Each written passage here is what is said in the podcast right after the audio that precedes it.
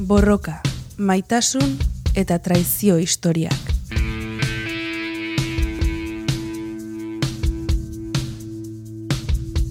Beatriz Rubioren azalpenak estitxu eizagirreren konpainian. Kaixo Beatriz. Kaixo estitxu.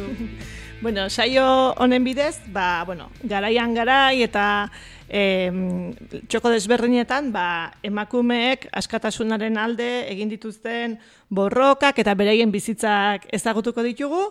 E, Beatriz Rubiori esker, baina zentratuko gara estatu batuetan eta Europan. Zergatik, Beatriz? Bueno, e, mila esker, egon gatin, eta eskerrik asko argiari horrelako aukerak e, emateagatik, eta emakumearen e, borroka e, e, laboizetara zabaltzeagatik.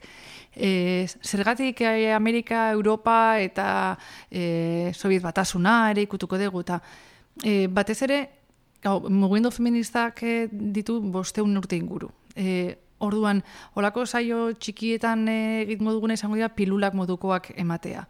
Orduan, egingo duguna da norbaiteko mugimenduaren edo teoria edo historiaren oinarria eman. Vale? Orduan, ze, oinarri horrek lagunduko digu gero tokian tokiko e, mugimenduak izan duen bilakaera ulertzen.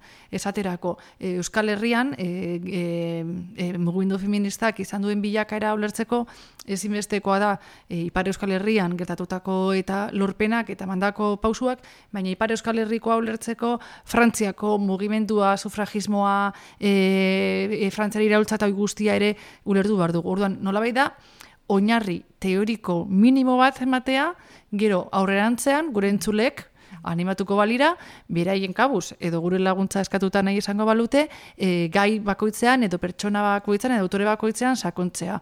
Ze, e, Euskal Herrian ere e, gertatu izan dana mugimenduaren barruan ezin da ulertu oinarri hori gabe. Euskal Herrian eman dien e, gatazkak mugimendu feministaren barruan, eman diren errora pasuak, eman diren e, lorpenak, egon diren porrotak, dene duten alabait oinarria hortan gure kasuan e, daukago liburu bat e, e, ezinbesteko aulerzeko Euskal Herriko mugimendu feminista, dala gure genealogia feminista, que emagin elkartetik e, e, durnepel, demiren nagurek eta iratxe iragolak e, idatzi zutena, eta nolabait hor ere ulertzeko gure oinarri txonek, ba, bueno, lagunduko digu. Ze berezitasun e, aipagarriena e, gure kasuan da emakumen zapalkuntza bikoitza izan dela mundu guztian bezala, emakume izateagatik eta langile izateagatik, baina gure kasuan abertzalea edo nazionalista izateagatik ere bai. Baina bestela, e, nolabait, gure helburua da, pilulatxoak ematea, e, oinarriak txertatzeko. Primeran. Eta lehenengo saiontan erdiarora joko dugu, ez da? Ba, hori da, ziko gara atzetik, ez da? Orduan, ba, gutxi gara bera posteun urte atzerago, eta Europazan e, testu liburuetan eta pelikuletan ikusi dugun e, ilun hori, ez da? Gazteluak, saldunak, damak, korteak, e, bueno, orduan, gizarte, nola feudala, bai, jauntxoek agintzen zuten, botere politikoa, militarra eta ekonomikoa zuten, kleroa eta lizaren papera ezin bestekoa ez urrengoa, bai?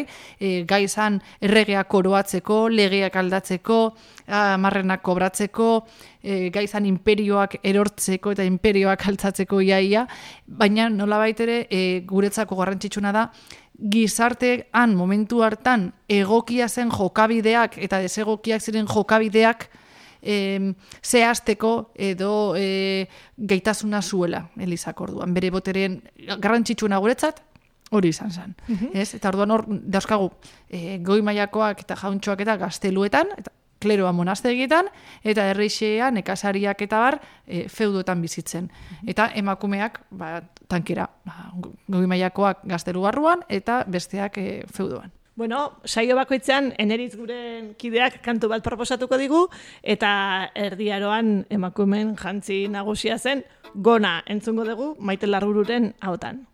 Jantzi zazugona Tantzu naiziak horazpin dihona Jantzi zazugona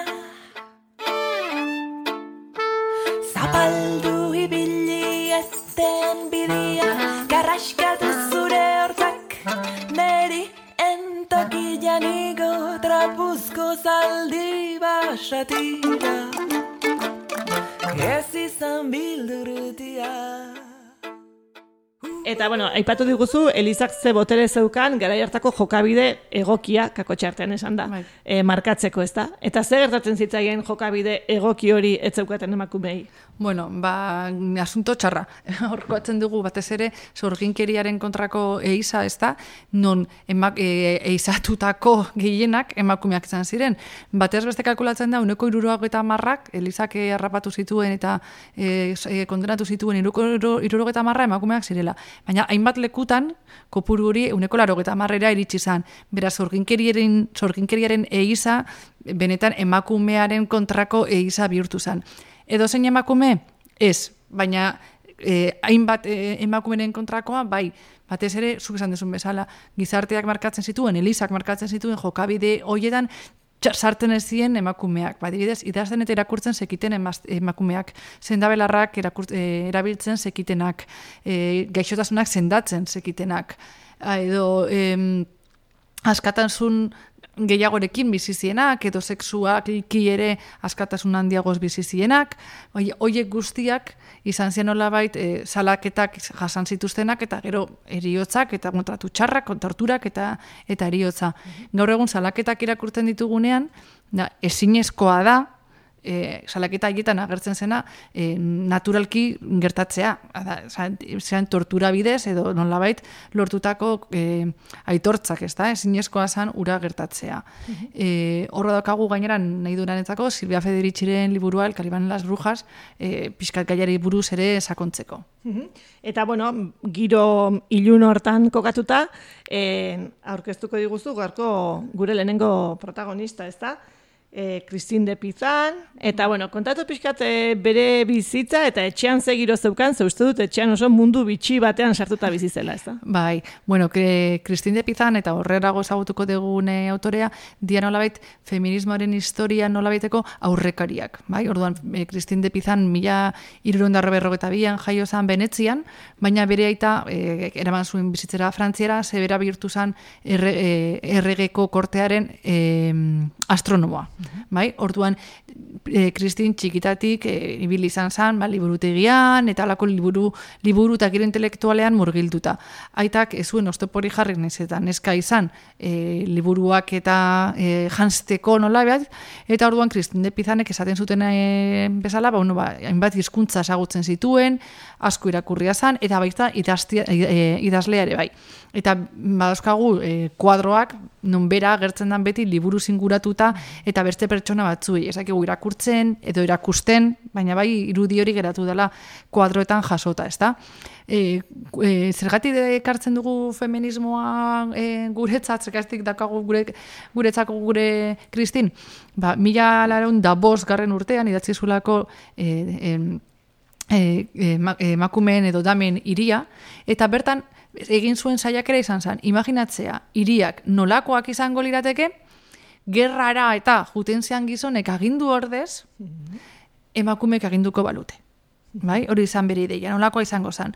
Orduan egiten duna da nolabait e, gizonezko literatura alde batera utzi, emakume esperientziatik kontatu eta e, garatu nolakoa izango litzatekeen e, hiri hori, ezta? Eta bizkat agertzen da nolabait feminitatearen liburu hoien e, kontra, baztertuz, ez? Emakumeen irudia edo arautegi hortatik pixkat at geratzen da bere, bere obra. Eta berak oso ondo markatzen du momenturen batean, ez da, nola e, emakumeen bizitza eta goera beste bat izango litzateken, hezkuntza gizonen esku egon nordez, emakumeen esku egongo balitz. Hori, mila lareun eta bost garren urtean. Oso ondo aipatu duzu, mila lareun da bostean emakumeen iria idatzi zuela, baina en, Christine de Pizanek esaten zuen, e, emakume edo gizon ez zuen norbanako bezala ikusten bezik eta kolektibo moduan ulertzen zuen, ez? Edo, Bai, berak esaten zuen bere liburuan nolabait, e, ez dala gizon baten kontua emakumeen hola egoera horlako izatea, ez gizon guztien kolektibo bezala, ez? Berak esaten zuen ez dagola misogeniatik kanpo geratzen den libururik. Ez duela tupatu, ez poeta, ez idazlerik, ez astronomorik beraita bezala, ez e, misogeniatik urruntzen denik. Hau da, e, kolektibo bezala aipatzen ditu gizonezkoak. Eta bera esaten du, are gehiago, sinistuko bagenie, e, emakumeak izango ginateke e, e, gizarteko edo munduko gauza txar guztien e, e, kutsa edo nola ez, ontziak.